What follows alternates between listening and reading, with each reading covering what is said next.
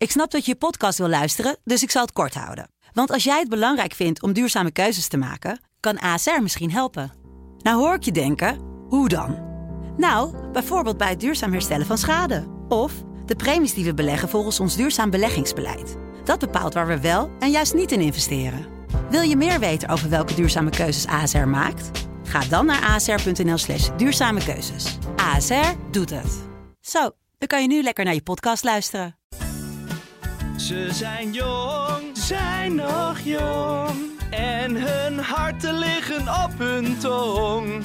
Altijd alert, erg alert. Hun mening eindelijk ongefilterd.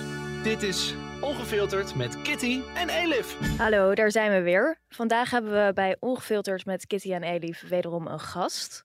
Een die nogal veelzijdig is. Hij is voormalig Tweede Kamerlid voor D66, theatermaker, muzikant en bestuurder. Boris van der Ham, welkom. Hallo, hallo. Wat leuk je te zijn. Ja, vinden wij ook heel leuk. Uh, we gaan het vandaag met hem onder andere hebben over de waarde van saaie dingen. En over nog veel meer boeiende onderwerpen. Maar we willen meteen met de belangrijkste vraag beginnen, Boris. Om je een beetje beter te leren kennen. Waar heb jij je aan geërgerd de laatste tijd? Ik probeer altijd mijn ergernissen wel heel snel weer weg te drukken. Dat ik het niet te veel uh, overneem. Maar ik heb afgelopen kerstvakantie uh, natuurlijk veel tijd weer gehad. Een beetje te ontspannen. Dan ga ik op Netflix zitten. En ook op andere streamingsmedia. En daar barst het de hele tijd van series over drugs. En waarin criminelen in de hoofdrol zitten. En ik heb daar echt zo genoeg van. Ik... Zoals Narcos en wat nog Ja, meer? daar kijk ik gewoon dan ook niet. Mm, Op een gegeven moment. Maffia, dat soort Maffia. Nou, ook Undercover, wat een hele goede eh, serie lijkt, schijnt te zijn in Nederland. Maar uit Nederland. Maar ik kan gewoon naar één aflevering denken, ja, het interesseert me eigenlijk helemaal niks, die criminelen. Of, of ik kan eigenlijk alleen maar series kijken waar dan de, de agent of de goede dan hen achterna zit en dan wint. Maar als echt, Ja. dat, ja, dat klinkt heel moralistisch, maar dat is het misschien ook wel. Maar ik kan gewoon niet naar zo'n serie kijken waarin ehm, op een of andere manier misdaad eh, spannend wordt gemaakt. Ja, en ik vind die mensen moeten gewoon opgepakt worden. Vind je, het, vind je het verheerlijking? Uiteindelijk wel, ja. Ja. Want het heeft ook. Ja, ik wil niet zeggen dat je het om die reden niet zou mogen maken. Maar mij gaat het te veel uit van de glamour van de maffiawereld. Ja. Ja, ik herken dat wel. Ik, eh, ik, het trekt mij ook helemaal niet. Ook van die series als Narcos. En maar ja, ik hou ook helemaal niet van gewelddadige dingen. En zeker omdat ik vaak dingen kijk voordat ik ga slapen. En ja, dan kom je niet in slaap. Nee, dat is ook, ja. Eng vindt? Of, ehm, Nou, omdat het gewoon, eh, je wordt weer heel erg wakker daarvan. Dus als er de hele tijd geweld in zit en ik denk, ja, ik heb daar helemaal geen zin in. Dan ga ik daar ook over dromen en zo. En, ehm, Er zijn wel uitzonderingen natuurlijk. Hè. Dexter bijvoorbeeld, dat vond ik wel weer een hele goede en dat is serie. over een seriemoordenaar, toch? Ja, een seriemoordenaar, maar dat was juist weer een seriemoordenaar die zijn slechtheid heeft gekanaliseerd naar Mhm. iets goeds. ja. Dus dat vond ik dan weer een uitzondering daarop. Ik herken dit heel erg. Ik heb dus criminologie gestudeerd, maar ik vind dus misdaad totaal niet interessant. Waarom heb je dat gestudeerd eigenlijk? Nou ja, de verkniptheid van de mens vind ik wel Nou, dus je interessant. vindt de psychologie eigenlijk Ja, interessant. dus ik, ik heb wel wat jij zegt over eh, Dexter of over dingen die over seriemoordenaars gaan of überhaupt mensen die iets heel verknipt hebben, dat vind ik heel boeiend. Maar dingen die over standaard misdaad dingen gaan, dat vind ik echt niet interessant. Maar er zijn heel veel vrouwen, is een heel populair genre nu. En ik merk het ook inderdaad, sowieso wordt het gezegd dat het heel veel wordt bekeken door vrouwen. Heel veel dingen over moordenaars, seriemoordenaars, heel veel TikToks gaan erover. Ja, Dus echt, echt de meest gruwelijke verhalen. ja. En er gaan dan ook allemaal memes rond over dat vrouwen dat kijken om te relaxen s'avonds. En dan een seriemoordenaar ja lekker met een kopje thee op de bank en je vliestruitje lekker zo En naar... ik heb dus ook ja. vriendinnen die dat doen. En ik vind dat echt zo grappig. Elif, wat deed jouw eh, bloed koken deze week? Ja, ik heb weer een horeca-ergernis. Oké. Ehm, ik was in een restaurant en daar stond op de menukaart, eh, nou ja, er staan drankjes, alles is natuurlijk heel duur. En dan staat eronder met hele grote letters, wij serveren hier geen, met uitroeptekens, onderstreept, kraanwater. En dat vind ik zo asociaal. Mag ook niet. Volgens mij mag dat nee, dat mag niet. Mag niet. Ik heb het ook opgezocht. Het mag niet, inderdaad. Dat vind ik echt heel ergelijk. Want ik bestel altijd wijn en gewoon, ik bestel gewoon alles. Maar ik wil gewoon water bij en dan wil ik niet spa blauw of zo moeten bestellen. Ja, dat klinkt heel petty, maar... ik Nee, maar het dat is ook zo. Ik vind water moet je gewoon altijd serveren. Dat is niet voor niets dat dat... een eerste Maar levensbehoefte is. ga je Ja. nu, eh, heb je de naam genoemd van het restaurant ook of niet? N- Dat we Nee, het helemaal af nu af gaan zeiken. Dat- moet, moet ik dat doen? Ja, eigenlijk ook niet. Dat is ook niet eerlijk. Ja, ik ga er nog wel komen, zeg maar. Oh Dus, ja, eh, ja. Nee, nou, dan zou ik misschien het krijg je de volgende keer dan wel water. ja, met spuug erin. ja, precies. En jij? En jij? Ja, ehm, ik heb de afgelopen tijd meermaals gehad dat iemand één zinnetje tegen me gebruikte, waar ik vervolgens echt heel veel woede voel in mijn hele lichaam. En dat is het zinnetje. Meestal een compliment. Het gaat eh, dan wel eens over columns of dingen die ik schrijf. Altijd mannen die dit zeggen. En dat is dit. Ik wil je best een keertje bijpraten. Oh, Oh ja. ja. ja, ja, ja. Ja, hele, hele lekkere intro tot mansplain. Voorspel voor mansplain. Ja, en dat is dan zo van. Maar zeg je dat alleen maar tegen vrouwen? Ja. Ik zeg dat misschien ook wel eens tegen, ook tegen mannen hoor. Nou, ik, ik heb alleen maar mannen gehad die dit Oh, naar me hebben gestuurd. Jij bent En- ook een man, hè? Dus Nee, zeker. Maar als ik dat tegen een man zeg, dan Ja. is het geen mensplenen, toch? Of Nee, maar het is, formeel. het is, het is, officieel het is, niet, nee. het is een Nee. beetje de toon. Dus dan Ja, ja. zeg je zo van. Nou, bijvoorbeeld, ik lees je columns altijd met eh, veel plezier. En wat dit betreft eh, ben ik het niet met je eens. Ik wil je best een keertje bijpraten. Dat ik gewoon denk van, nou, ten eerste kan het gewoon natuurlijk dat we van mening verschillen, Mhm. toch? Ja. Het is bovendien een column. En ten tweede, ik wil je best is een hele denigrerende Ja. manier van Ja. iemand benaderen, waarvan ik toch en denk. dat zit hem vooral in, ik wil je bestens. Alsof het een enorme gunst is. Ja, van, ja, ja, ik heb ja, het heel Ja. druk, maar... Ja, en het zit ook een beetje in van. eh, misschien is het ook ergens een soort verkapte. Nou, ik wil niet eh, dat meteen, maar een soort van verkapte Versierpoging? versierpoging. Nou, ik zou nooit met iemand afspreken die dit tegen mij zegt. Of die dit als versierpoging doet. Om je binnen te harken. Om een soort van. Nou, kom maar even lekker zitten, meisje. Dan ga ik jou even uitleggen hoe het Ja. zit. Vind je dat leuk? Dat Dus jij daar dan heel blij zit. van, kijken, ja, de- luisteren, die weten nu dat ze dat niet moeten zeggen om jou binnen te harken, zoals je dat zelf dat, eh, zegt. Dat, Ja. Inderdaad, laat dit Ja. een waarschuwing Waar- zijn, waarschuwing mensen. zijn. Ja.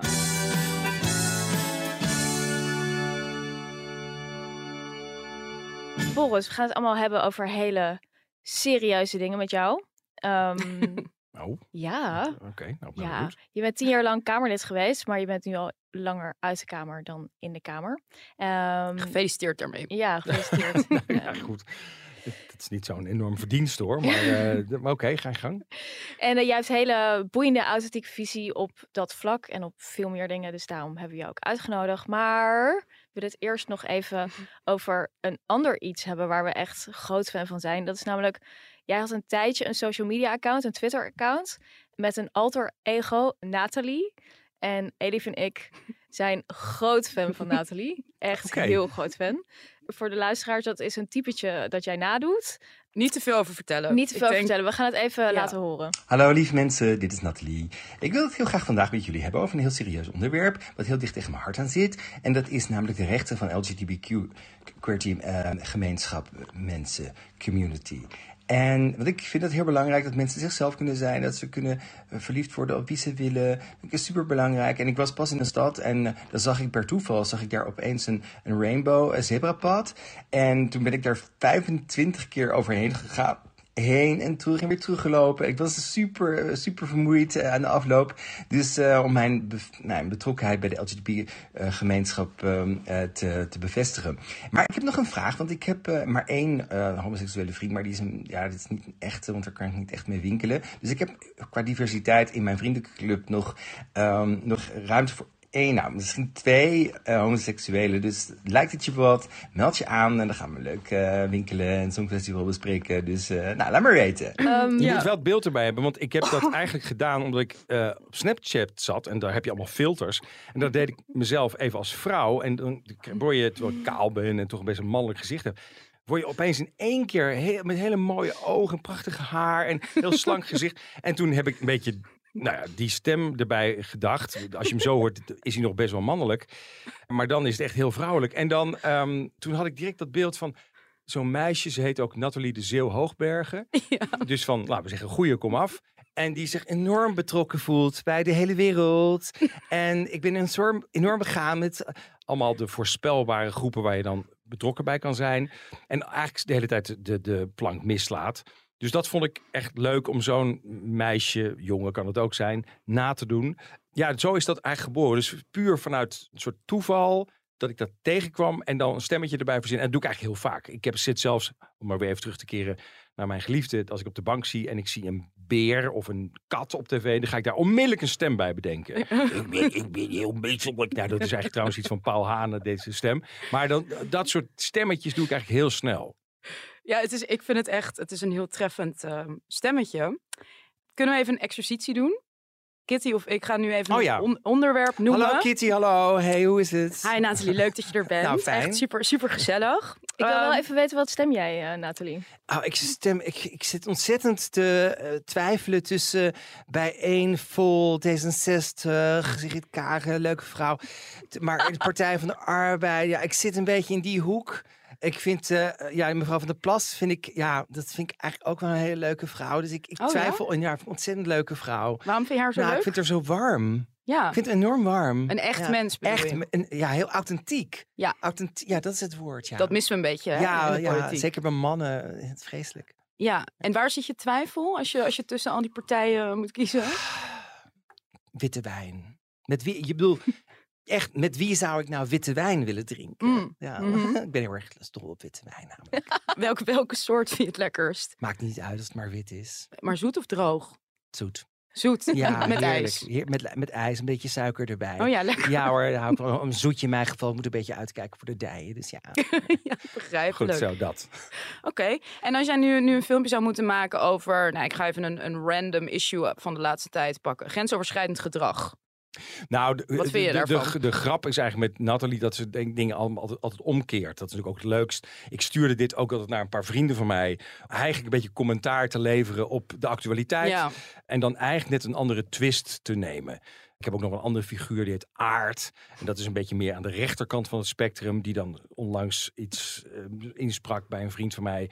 Over het feit dat, ehm, waarom zijn er zoveel mensen opgepakt bij die Extinction Rebellion en minder bij de boeren? Nou, omdat die Extinction Rebellion, die, die drinken allemaal havermelk en, en, en amandelmelk. Die, die ruiken heel erg lekker. Dus natuurlijk wil de politie die pakken. Dus dan, het is net een beetje een draai geven aan de actualiteit die niets te maken hebben met mijn, mijn eigen politieke of maatschappelijke opvattingen, maar gewoon een grap te maken. Dus het is eigenlijk steeds meer een, ja, het is gewoon een, een, een poging om een beetje melige dingen met elkaar te wisselen. Maar en waarom, soms zet ik dat dan ook op internet. Maar waar- waarom, eh, want Nathalie, de laatste keer ehm, dat we iets van haar hebben gezien was vorig jaar. En ehm, ja, wij missen haar heel erg. ja, ik mis haar heel Nou, ik, erg. ga, ik ga het overwegen om er weer terug te brengen. Overigens heb ik pas, dat is maar een paar maanden geleden, heb ik haar ook live gedaan.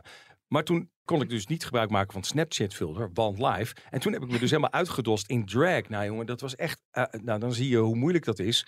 Ik kan helemaal niet goed opmaken, dus ik zag er echt niet uit. Ik had er wel een blonde pruik aan. Ik moest en een winkel bij mij in de buurt heb ik maar een jurk gekocht, schoenen. Nou, die mensen hebben me enorm geholpen, maar ik zag er echt niet uit. Eh, maar en dat, die stem kan ik dan wel, maar, maar voor de rest zag, was het echt niet de beste drag queen. eh, ik zou er niet doorheen komen bij RuPaul's Drag Race. zeg maar. Ja. Dus het is echt een uitdaging. Daar zou ik echt een professional op moeten zetten. Maar ik heb nog wel, de, de, misschien ga ik het nog wel bij eh, Milkshake dit jaar, 2023 doen. Oh. Dat ik echt me goed laat opmaken als Nathalie. Dat ik voor de tweede keer in mijn leven als drag eh, ga. Nou, dat is ook We wel direct een eh, groot podium pak je dan. Ja, ja, precies. Maar daar val Ja. ik waarschijnlijk ook niet op, want iedereen is daar zo. Maar eh, dat zou nog wel kunnen. Ja, Ja, is dat een beetje het publiek van de Milkshake? Nee, ja, daar komt van alles natuurlijk. Oh ja. Ja. Ja. Nee, en ik ben ook niet zo heel erg. Ik heb niet heel erg de neiging, zeg maar, om dit te doen. Je ziet trouwens ook wel. Ik, had, ik deed dat dus. Ik ging dus als, als drag om een toespraak te houden voor die vriend van mij. En er kwamen direct allemaal mensen naar me toe. Die zeiden van. Oh, ik, eh, die gingen direct heel respectvol met mijn, met mijn drag. Die dachten direct dat ze iets niet wisten van mij. En dan van, oh ja, nou, wat, wat fijn dat je daar dan zo open over bent. Dus ik werd direct heel erg geaccepteerd. Terwijl je denkt, ja, maar dit is echt gewoon alleen maar een grap. Dit is niet iets wat ik ben of zo. Dus dan zie je ook wel soms dat de tolerantie ook helemaal doorslingert. Dat je bijna zegt, nee, maar ik ben niet echt trans dinges of wat dan ook. en dan word jij het transfoob genoemd als je dat zou zeggen. Ja, precies, precies. Dus het is, dus het is ook wel, eh, nou ja, goed, het is een interessante tijd. Laten we het maar ophouden. Ja. Je hebt nog een andere ergernis, namelijk dat je je ergert aan het woord eh, gemeenschap. Ja, nou, ik ben heel erg voor eh, gemeenschap en voor gemeenschappelijk eh, eh, de, de, de samenleving als een goede gemeenschap. Maar ik zie heel vaak in, als we het nou hebben over minderheidsgroepen, dat heel veel mensen worden ingedeeld als de gemeenschap. De LHBT-gemeenschap, de Joodse gemeenschap, de islamitische gemeenschap, de Marokkaanse gemeenschap.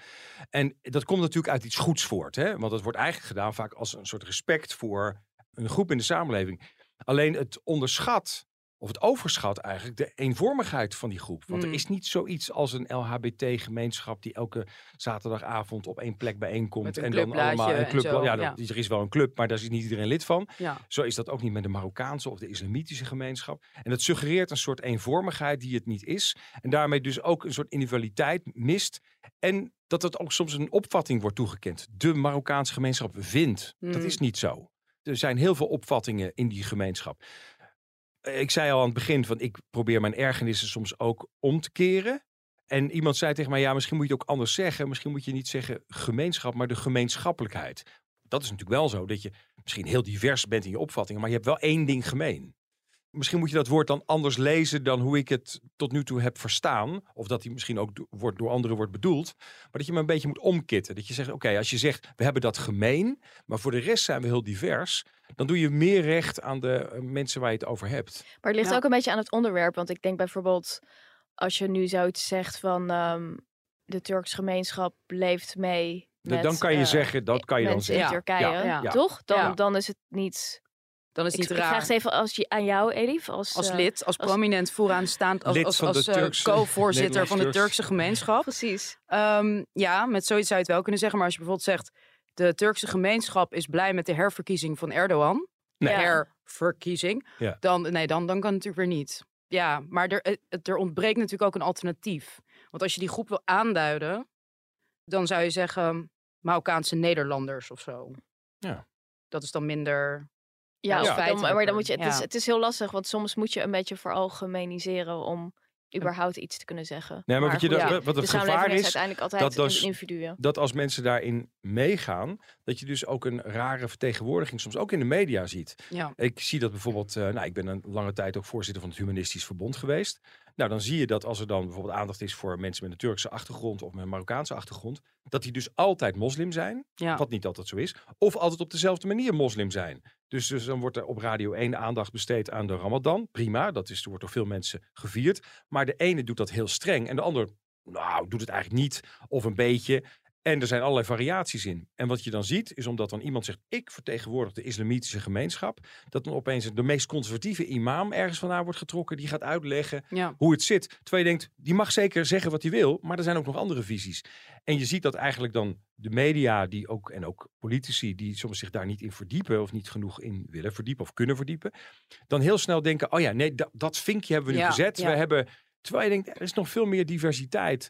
En je doet dat onrecht als je dat allemaal op één hoop zet, legt alsof dat één. Ja, Ja, één- we hebben hier laatst is. ook een beetje te maken mee gehad. We werden ehm, ja, dat is een heel grappig verhaal. gevraagd ehm, voor iets. Ik ga het even een beetje vaag houden, denk ik.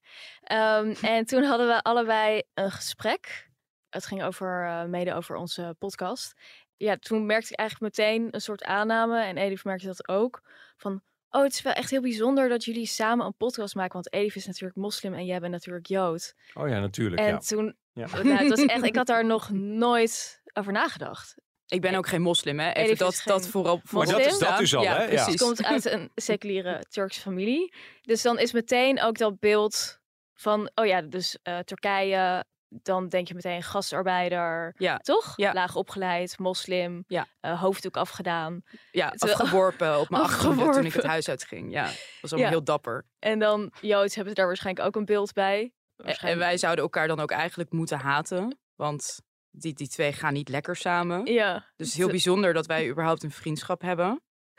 alsof we een soort onderdeel zijn van een diversity project waarin we allebei merken dat we echt super veel gemeen hebben en gewoon lekker samen hummus eten en zo. Ja, ja. Toch? Ja. Dat vind ik ook niet lekker, hummus. Dat vind ik echt smerig. Zelfgemaakte hummus is heel lekker. Nee, ik hou er niet van. Ik kan het heel lekker maken. Ik wil het Oké, best een keer nou, voor dat gaan we dan eens een jullie keer maken. Dan uitproberen. maar ja. ga ik jullie een beetje leren over mijn prachtige cultuur. Je legt me het nog wel eens een keer uit. Is goed. Ik Ja. praat je wel weer Ja, bij. ik praat je praat me wel even bij, ja.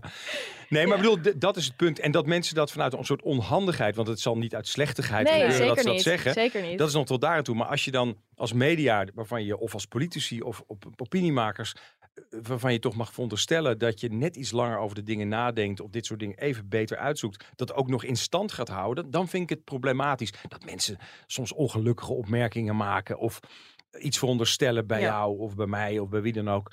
Oké, weet je, dan moet je ook een beetje aanvaarden, een beetje kunnen incasseren. Maar ik vind dat mensen die net, laten we zeggen, een andere functie hebben in de samenleving, daar net iets meer over mogen nadenken. Ja. Ja, ik ben het Ja, want het is ook gewoon desinteresse. Eigen- en ja, het is desinteresse Zeg maar, als je- verpakt als, als een soort tolerantie.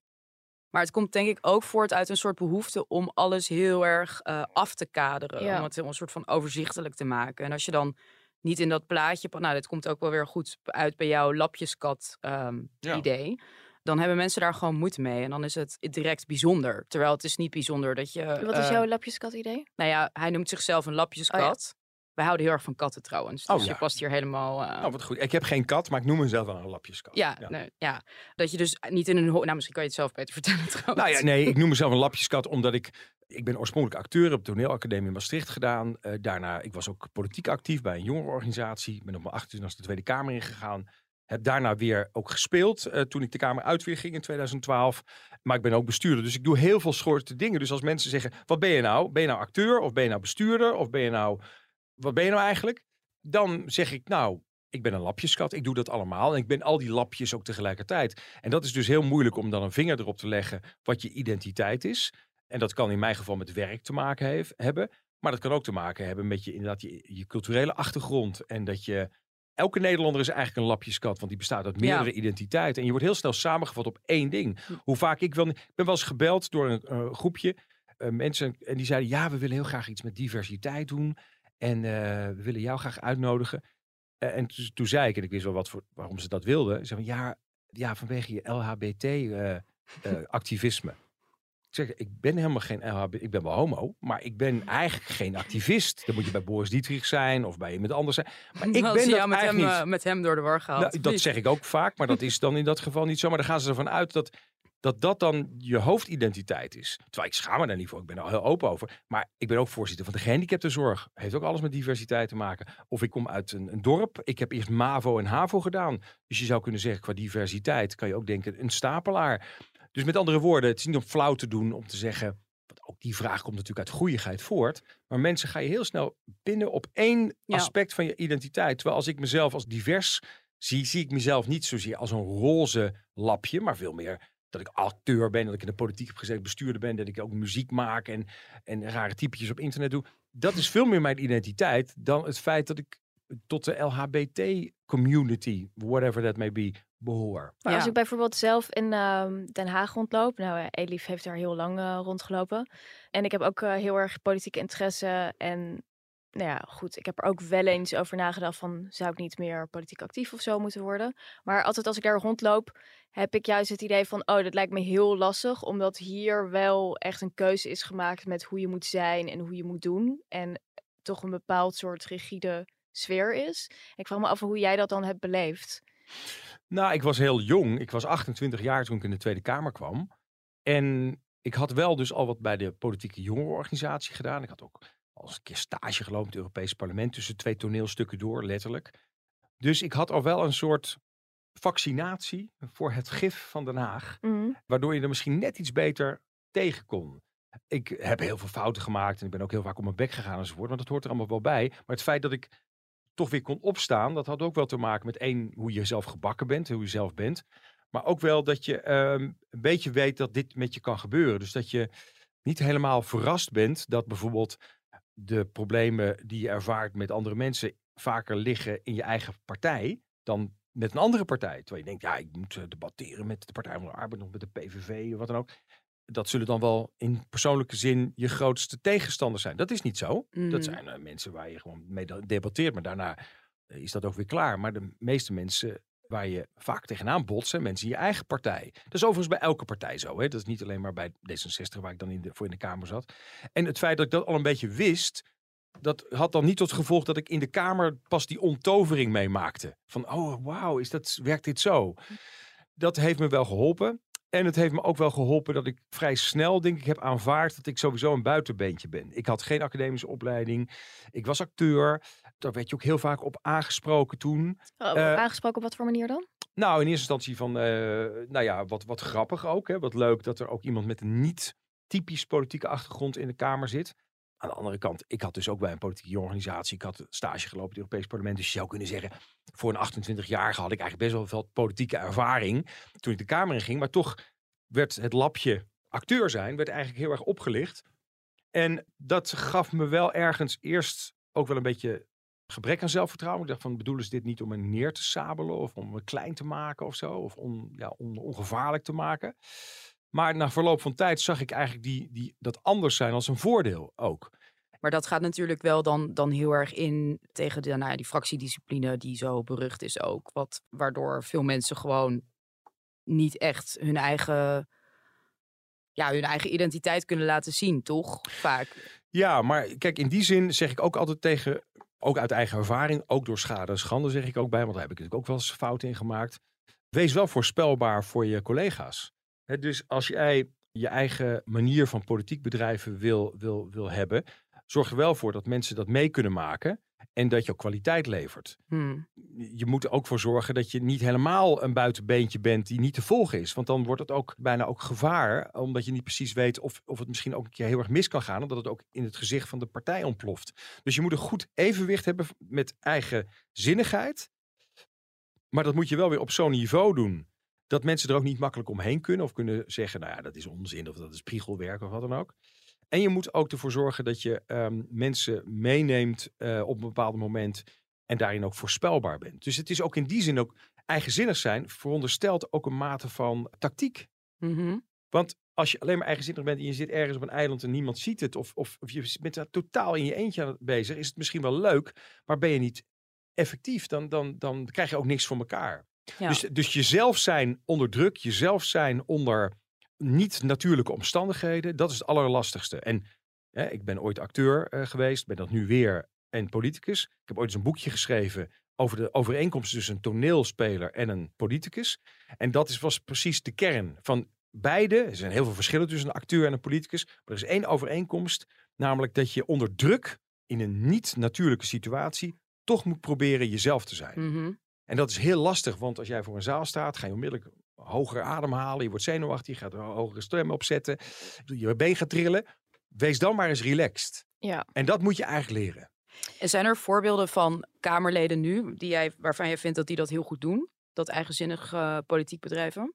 Nou, om uh, de wijsgeer Nathalie uh, de Zeeuw Hoogbergen na te spreken. Uh, ik vind Carolien van der Plas vind ik daar wel een mooi voorbeeld van. Los van of ik het allemaal met haar eens ben, maar ik vind dat wel goed. Die heeft overigens natuurlijk ook wel weer makkelijk, want die zit er een eentje in de Kamer. Dus ik ben benieuwd hoe zij Ja. zich gaat opstellen op het moment dat zij straks een fractie van twintig mensen moet gaan leiden. Want dat is toch best ingewikkeld.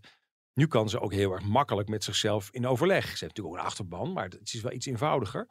Ja, ik vind ook een eh Hababda de Hoop eh, van de Partij van de Arbeid. ja. ehm, die vind ik ook heel eh, opvallend daarin.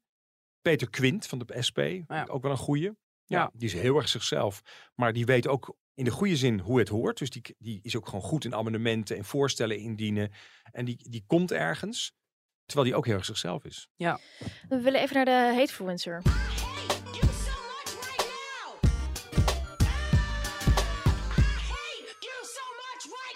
De hatefluencer van de week. Ja, we doen hem even tussendoor, omdat hij eh, eigenlijk wel heel goed in het gesprek past. Het is eh, Oh. Pieter van Brevoort. Die is wel eens bij ons, niet te gast, we hebben hem wel eens gebeld. Ja, of hij heeft iets ingesproken. Hij heeft iets ingesproken Ja. en dat ging over ehm, het nut van boosheid. Oh ja.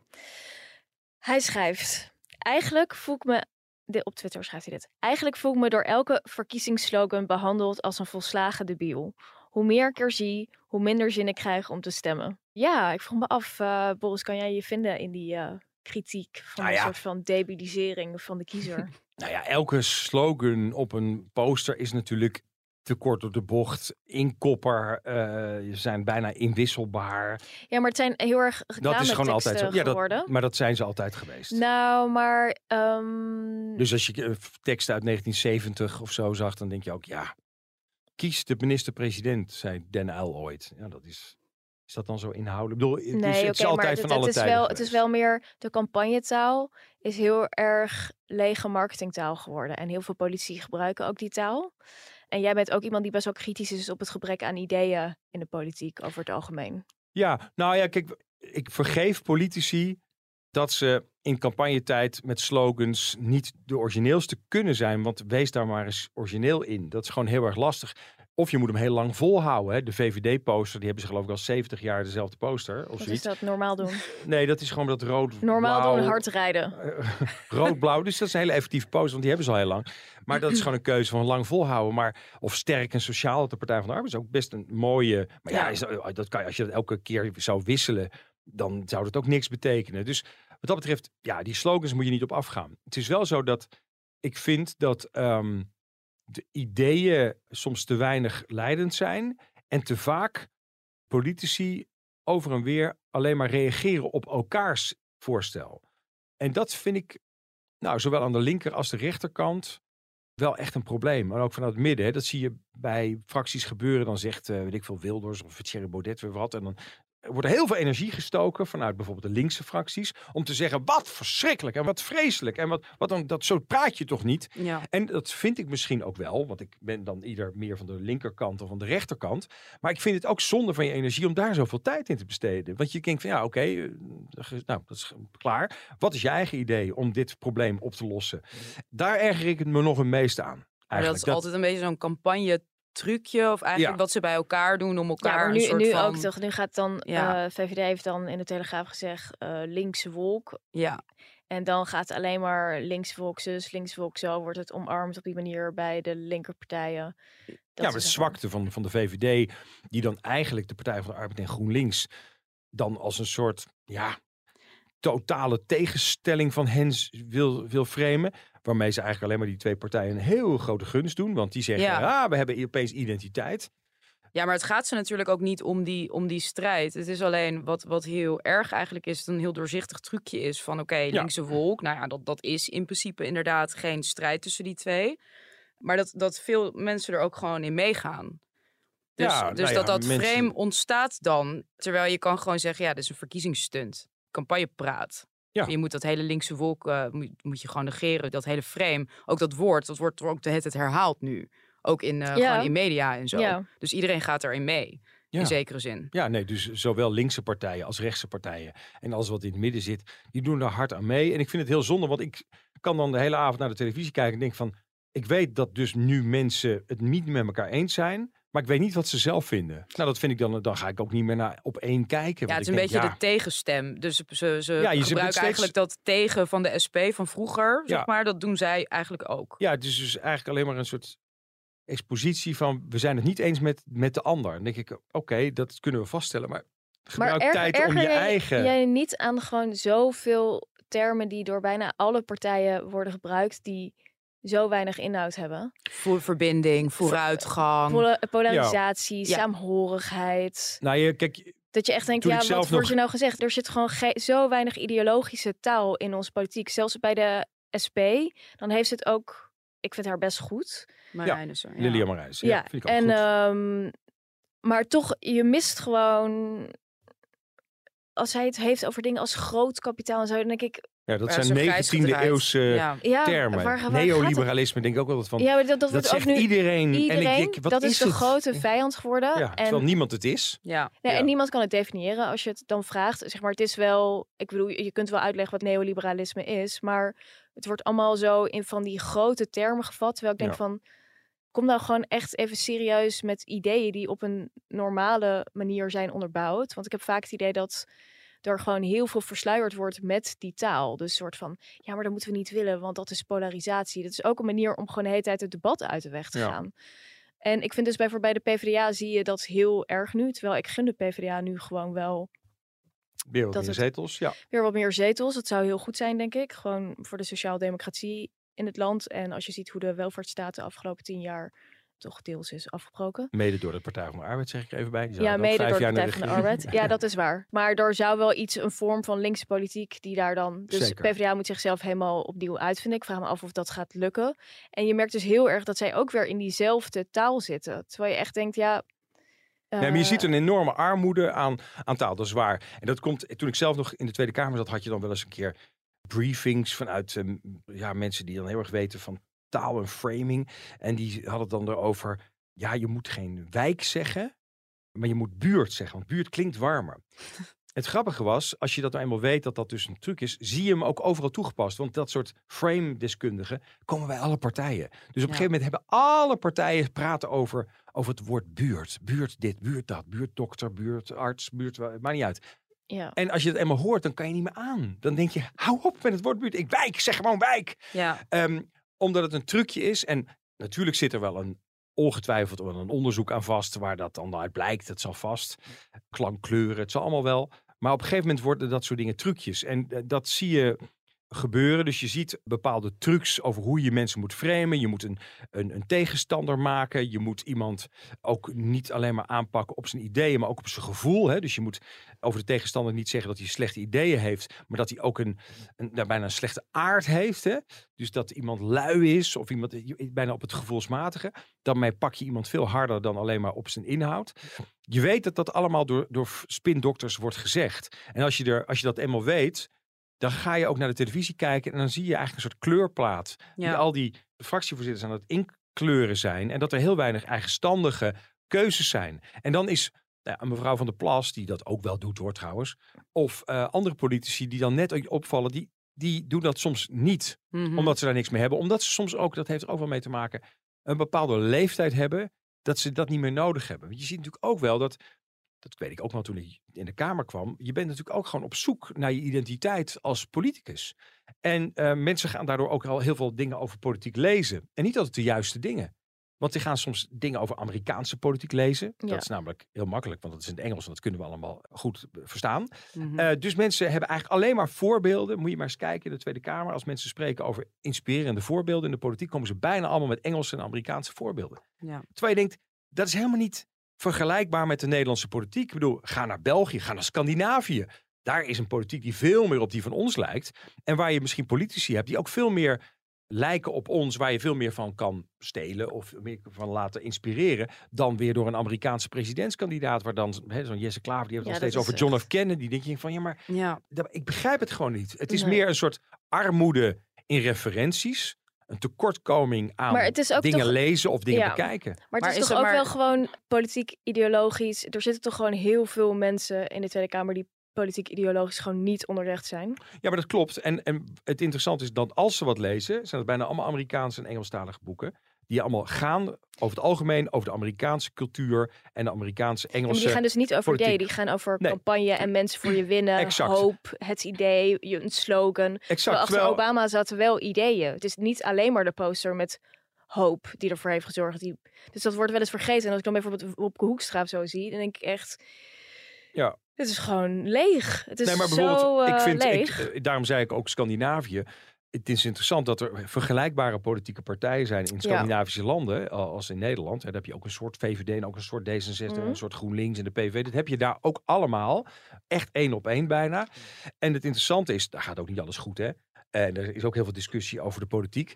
Maar daar zie je soms wel andere afslagen die politieke partijen hebben genomen. Die, die niet hier zijn gebeurd. Het feit dat de sociaaldemocratie kijk naar de Partij van de Arbeid hier, het zo slecht doet hier, maar eigenlijk relatief goed doet in Zweden en Denemarken. Dat komt omdat ze een andere ideologische afslag hebben genomen. Ja. Kan je nog steeds van En dat is zeggen, kritischer op migratie. oh, kritisch op migratie, kan je nog steeds zeggen, dat willen we niet. Prima, dat mag.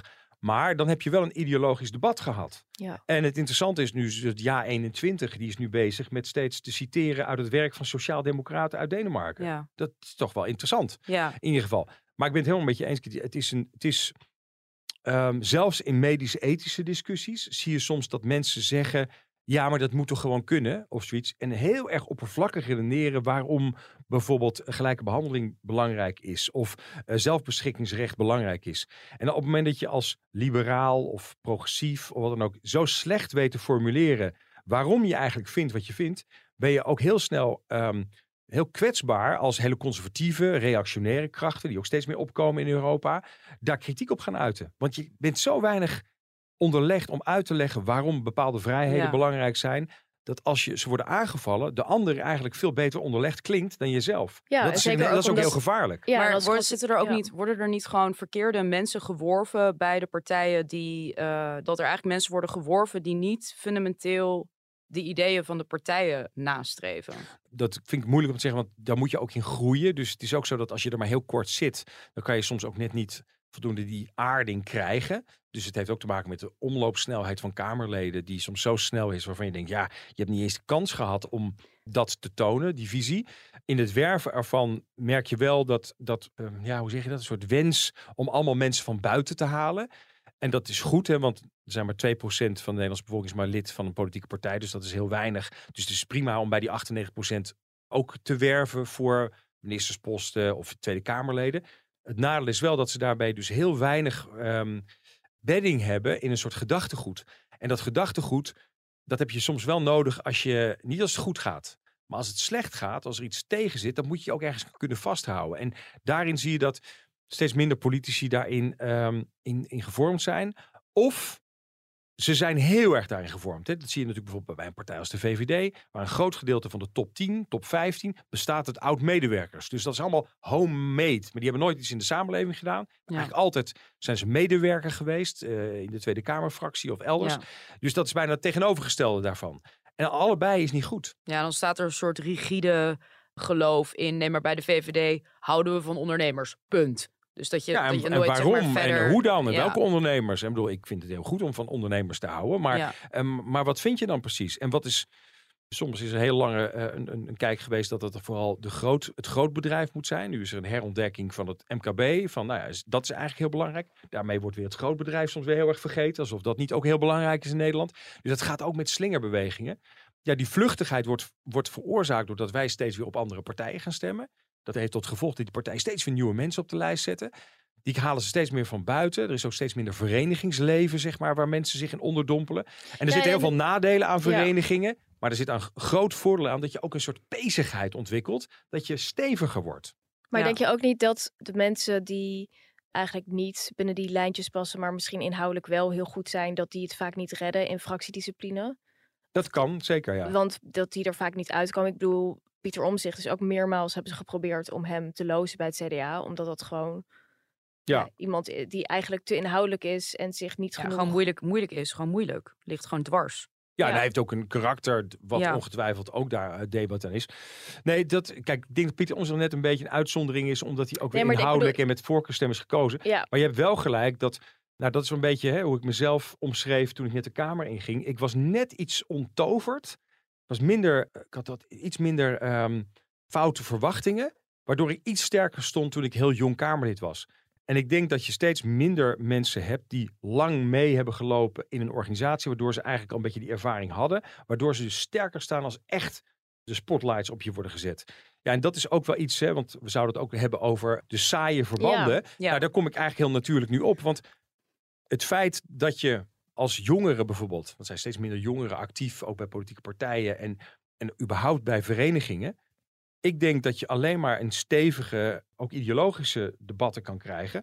Als mensen ook de ruimte hebben, ook van jongs af aan, om zich in de saaie verbanden van verenigingen en stichtingen en studentenorganisaties of wat ook, Een soort van die Te- bureaucratie mee te maken. te vormen. Ja, maar ook dat je, als je dingen voor elkaar wil krijgen, als je dingen wil veranderen, merk je dat heel veel jonge mensen heel ongedurig zijn. Dat terecht. Hè? Dat je zegt, er moet iets aan het klimaat, er moet iets aan ongelijkheid gebeuren.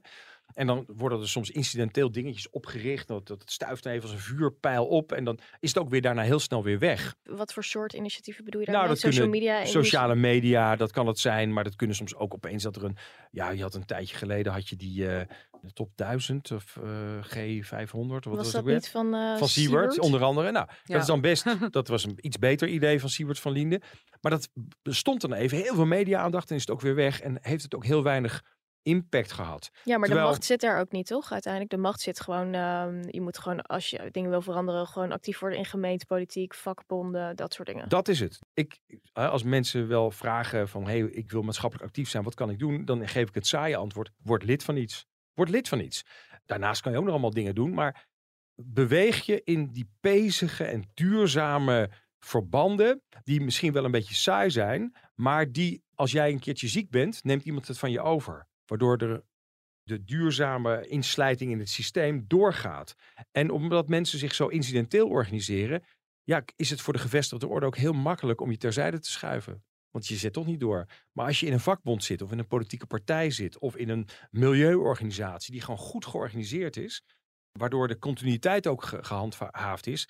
Het klinkt misschien een beetje saai, maar het is gewoon het bewezen enige middel om echt, echt wat te veranderen. Maar mensen voelen dit, voelen dit niet. Het heeft ook een naam, eh, post-democracy. Dat we in een, Ja. in een tijd leven waarin eigenlijk alles functioneert, maar mensen dat gevoel gewoon niet meer hebben bij politiek. En Ja. dus ook dus. Ook niet bij maatschappelijke activiteiten. Nee, en Ja. dus jonge generaties ook helemaal niet noodzaak voelen om daarin actief te zijn. Ja, wat doe je daar dan tegen? Nou ja, soms moet je ook gewoon tegen de tijdgeest ingaan. Want er zijn echt wel pogingen gedaan om het op een andere manier te doen. Je kan natuurlijk wel incidenteel actiegroepen starten en zo. Dat, dat is ook best wel goed soms. En dat kan ook iets op de agenda zetten, eenmalig. Maar uiteindelijk zijn die langdurige verbanden. ehm, er is eigenlijk niks voor in de plaats gekomen. Dus het is hartstikke goed dat dat ook wel eens tegen het licht is gehouden. En dat, dat er ook wel eens andere alternatieven zijn ontstaan. Maar die, zijn, die blijken niet succesvol te zijn. Nee. En, en dan kan je zeggen, ja, maar eh, mensen hebben er geen zin in.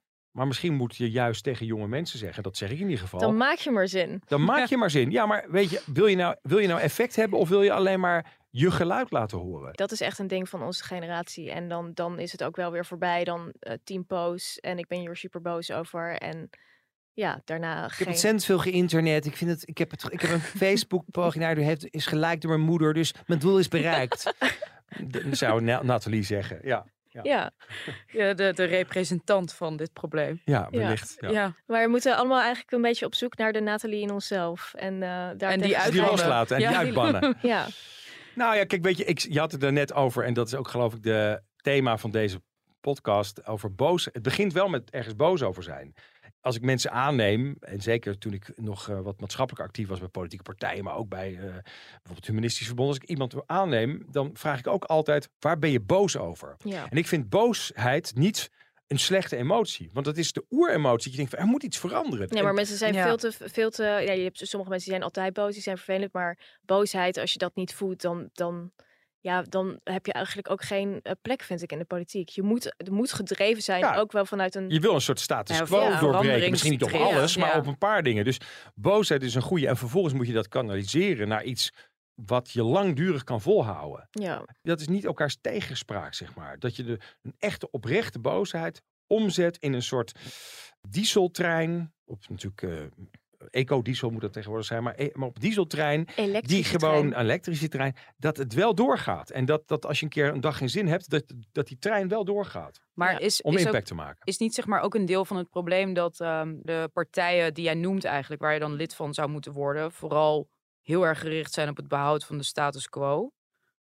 Dus dat eigenlijk alle boosheid die je kan bedenken, wel eigenlijk van buiten komt. Eh, nou nee, je kan ook lid worden van een andere politieke partij. Je kan toch ook lid worden van een mi- milieuorganisatie. Dat kan ook allemaal bijdragen. En je kan natuurlijk ook dingen in een partij veranderen. Er zijn ook mensen die nu lid worden van de Partij van de Arbeid. Die zeggen, nou, we gaan die partij omvormen naar een nieuwe partij samen met GroenLinks. Nou, dat kan ook. Of eh, we worden lid van de partij van, eh, van mevrouw van der Plas.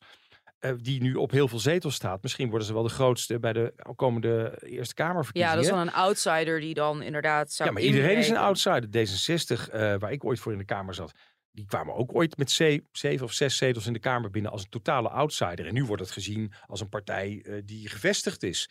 De Partij van de Arbeid eh, is ook ooit een, een nieuwkomer geweest in de 19e eeuw met eh Ja. Domela Nieuwenhuis als voor, voor, voor, voorvader. Dus al die Ja, partijen... maar dat is ook wat ik bedoel. Je ziet, je ziet eh, misschien ben ik heel cynisch. Nou, ik ben sowieso heel cynisch. Maar als je bij die partijen die jij noemt, die worden dan inderdaad onderdeel van het establishment. En laten daarbij ook een deel van hun eh, nou ja, ideologische veren achter, maar ook hun veranderingsdrift. Want veel van wat ze doen is gericht op machtsbehoud. Dat kan, maar er zijn natuurlijk ook partijen die zich wel weer opnieuw uitvinden. Dat gebeurt natuurlijk ook wel. En ja, het is waar dat als die partijen niet meer goed functioneren... of dat ze hun basis in de samenleving verliezen, zoals het CDA... dat ze dan opeens... Vroeger hadden eh, de, de voorlopers van het CDA hadden de absolute meerderheid in Nederland. En nu staan ze op zes zetels in de peilingen. En dat wordt dan overgenomen door mevrouw Van der Plas... of misschien door andere partijen. Dus het is ook niet zo dat partijen altijd blijven. Nee, ze worden dan afgestraft. Ja, of, of gewoon vervangen door partijen waar nog wel een soort vuur in zit. Dat Ja. kan.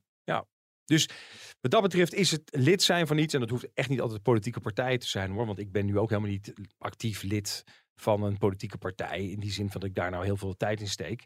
Dus ik doe heel veel andere dingen. Er zijn heel veel methodes om, je, om dingen te veranderen, maar je moet je wel committeren aan een soort samenwerkingsverband. Want anders ben je alleen maar een eenling En hè, ik, ik ervaar mezelf altijd, hè, ik ben een lapjeskat, dus ik ben ook een beetje een outsider, een beetje maverick. Zo word ik ook wel gezien, denk ik.